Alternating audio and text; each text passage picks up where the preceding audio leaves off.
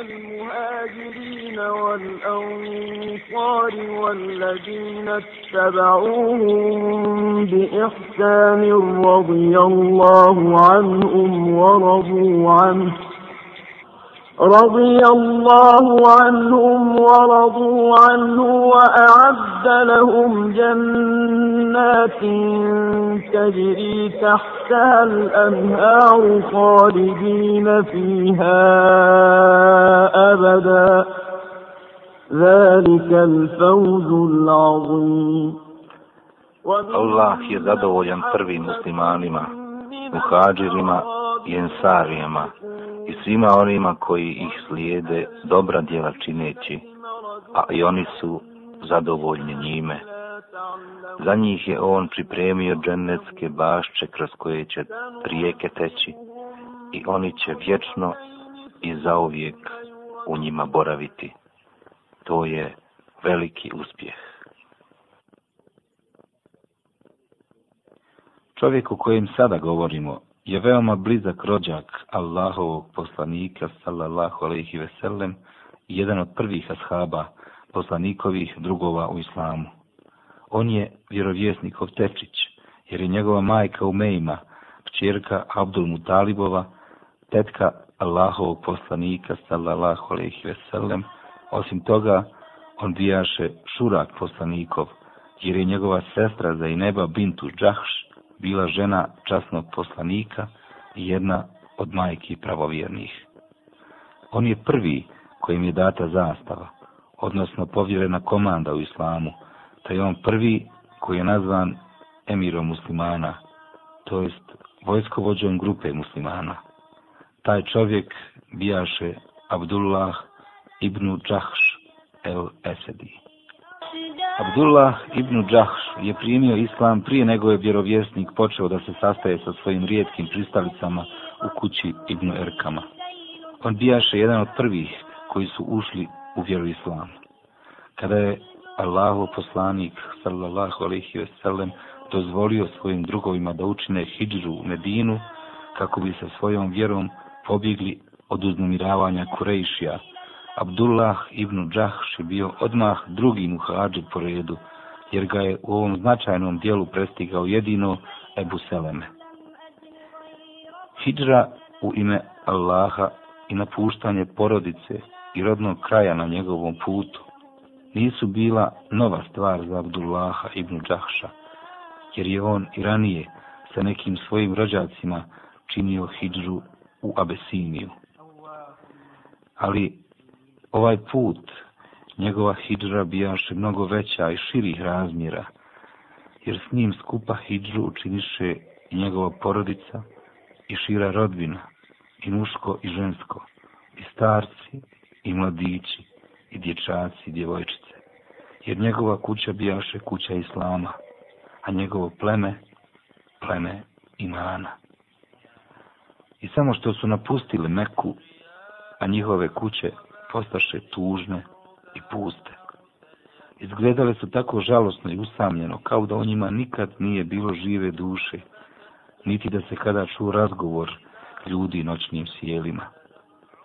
Malo vremena prođe od Hidžere Abdullaha i njegovih rođaka, a Kurejševički prvaci počeše obilaziti mekanske sokake, kako bi utvrdili ko je od muslimana otputovao, a ko je ostao. Među tim prvacima bijahu Ebu Džehl i Utbe ibn Rebija. Utbe pogleda napuštene kuće Džahšove porodice na koje su pustinski vjetrovi nanosili pjesak i koje su odzvanjale od lupe vrata i kapija, pa reče. Kuće Benu Džahša su postale puste i jadne, pa kao da plaču za svojim ukućanima. A ko su oni da za njima kuće plaču? Priupita Ebu Džehl. Onda Ebu Džehl prisvoji kuću Abdullaha ibn Džahša, a bijaše najljepša i najraskošnija od svih drugih i poče da s njom i njenim namještajem postupa kao što svaki vlasnik postupa sa svojom vlastitom imovinom. Kada je Abdullah ibn Džahš čuo šta je Ebu Džehl učinio sa njegovom kućom, spomenu to Allahovom poslaniku, sallallahu alaihi ve sellem, koji mu reče. Bili bio zadovoljan u Abdullahu, da ti Allah umjesto te kuće da kuću u džennetu. Svakako, Allahu poslaniče, odgovori Abdullah. A to ti i pripada, dodade vjerovjesnik, što potpuno umiri dušu i zadovolji Abdullaha. A samo što se Abdullah smjestio u Medinu nakon svih teškoća koje su sobom donijele njegova prva i druga hijđra, i samo što je okusio draži mira i spokoja i gostoprimljivosti Ensarija, nakon onih teških uznemiravanja koje je doživio od Kurejšija, Allahovom voljom Abdullah bi stavljen na najteži ispit koji je doživio u svom životu. Doživio je najgorše iskustvo od kako je primio islam. Pa da poslušamo priču o tom njegovom gorkom i teškom.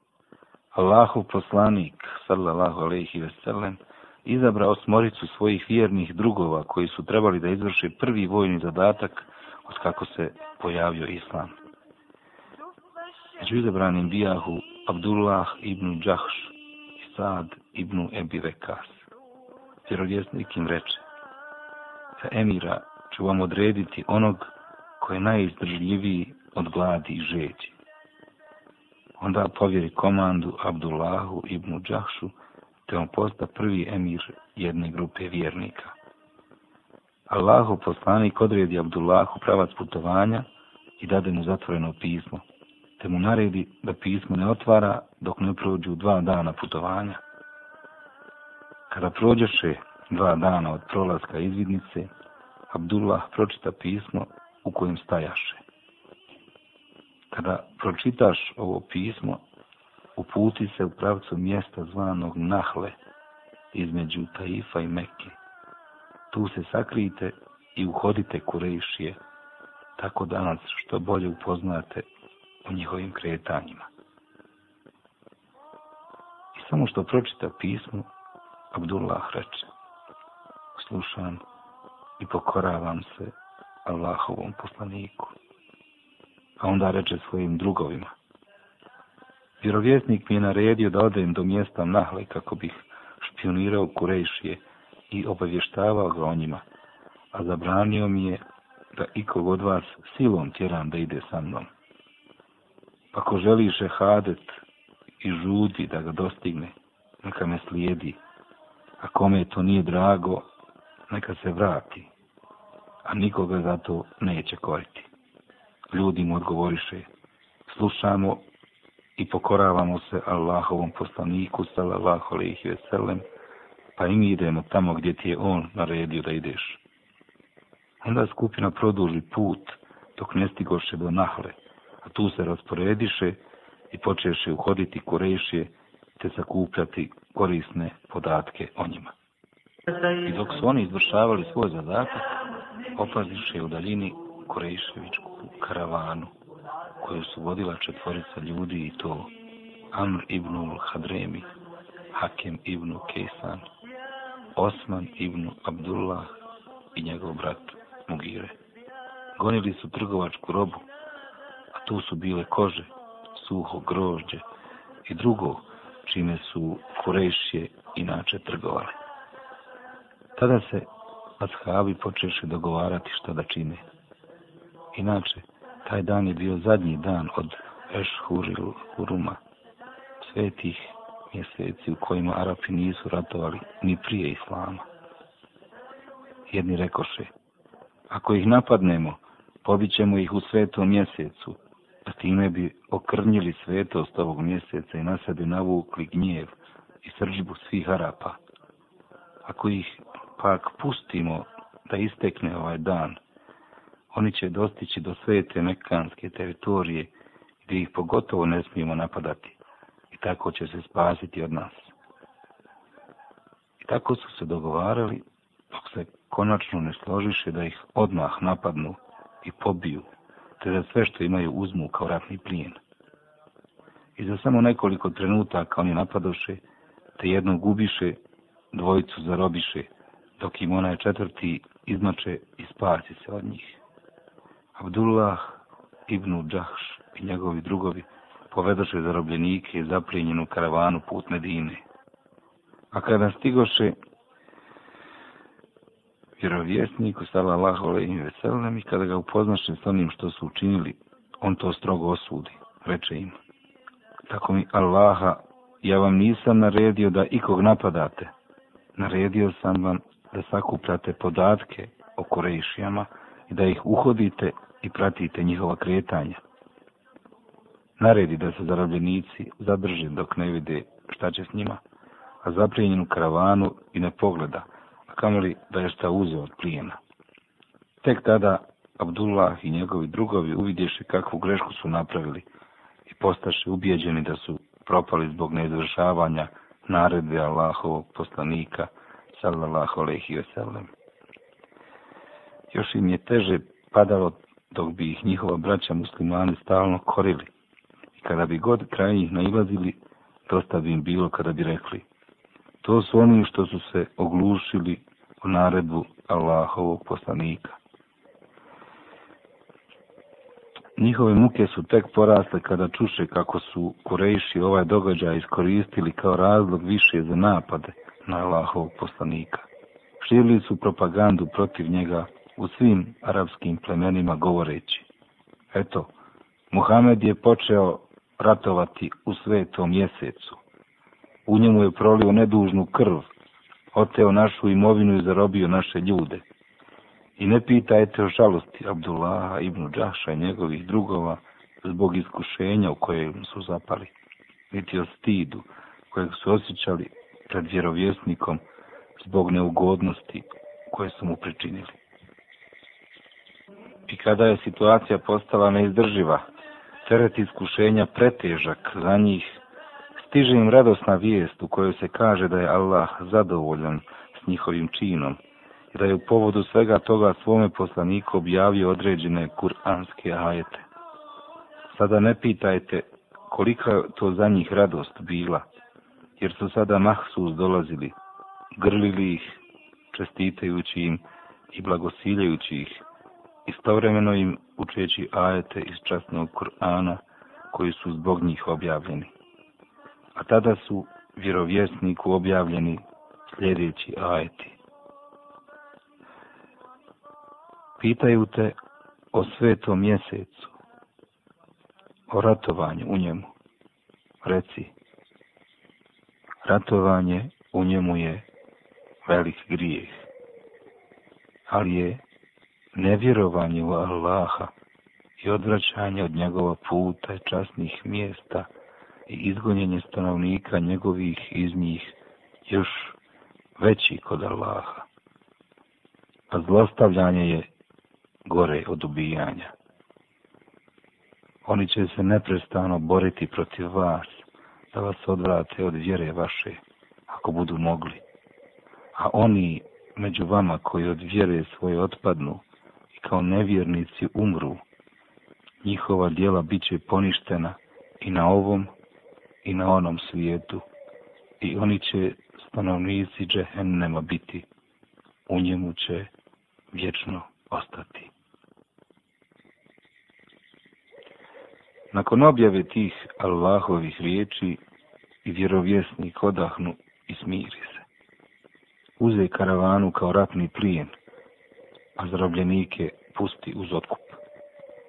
Postao zadovoljan zbog postupaka Abdullaha ibn Džahša i njegovih drugova, jer ova njihova izvidnica i borba postaše značajna stvar za sve muslimane. Plijen koji zarobiše bijaše prvi ratni plijen u islamu. Onaj koga su u napadu ubili, je prvi mušrik, čiju su krv muslimani prolili a ona dva zarobljenika bijahu prvi zarobljenici u historiji koji padoše u ruke muslimana. Bajrak u tom pohodu bio je prvi bajrak kojeg je nekom predala ruka Allahovog poslanika sallallahu alejhi ve sellem. A vođa te skupine bio je Abdullah ibn Džahš, prvi čovjek koji je nazvan emirom muslimana. Onda je uslijedio Uhud, gdje Abdullah sa svojim drugom Sadom ibn Ebi Vekasom doživio priču koja se ne može zaboraviti, pa neka nam Sad prepriča taj svoj događaj i događaj svog druga. Kaže Sad ibn Ebi Vekas, kada dođe dan Uhuda, susrete me Abdullah ibn Džahš, pa mi reče, hoćeš li uputiti dovu Allahu Đelešanuhu? Svakako, rekoh mu. Onda se odmako smo u stranu i ja počeh moliti Allaha riječima.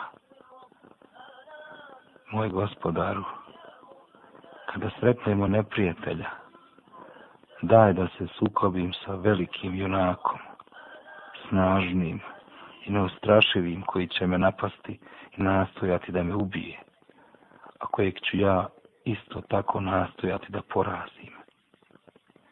Onda me počasti pobjedom, tako da ipak ja njega ubijem i uzmem njegovu ratnu opremu i oružje.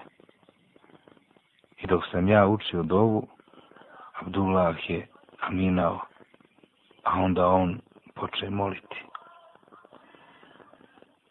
Moj gospodaru, počasti me snažnim i neustrašivim protivnikom s kojim ću se boriti u tvoje ime i koji će se boriti sa mnom, s kojim će me pobijediti pa mi odsjeći i nos i uši.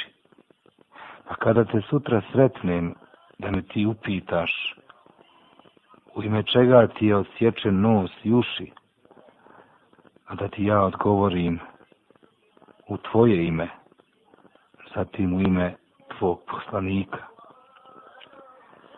A da mi ti na kraju kažeš, istinu si rekao, dalje priča sad. Dova moga druga, Abdullaha ibn Džahša, je bila bolja od moje dove.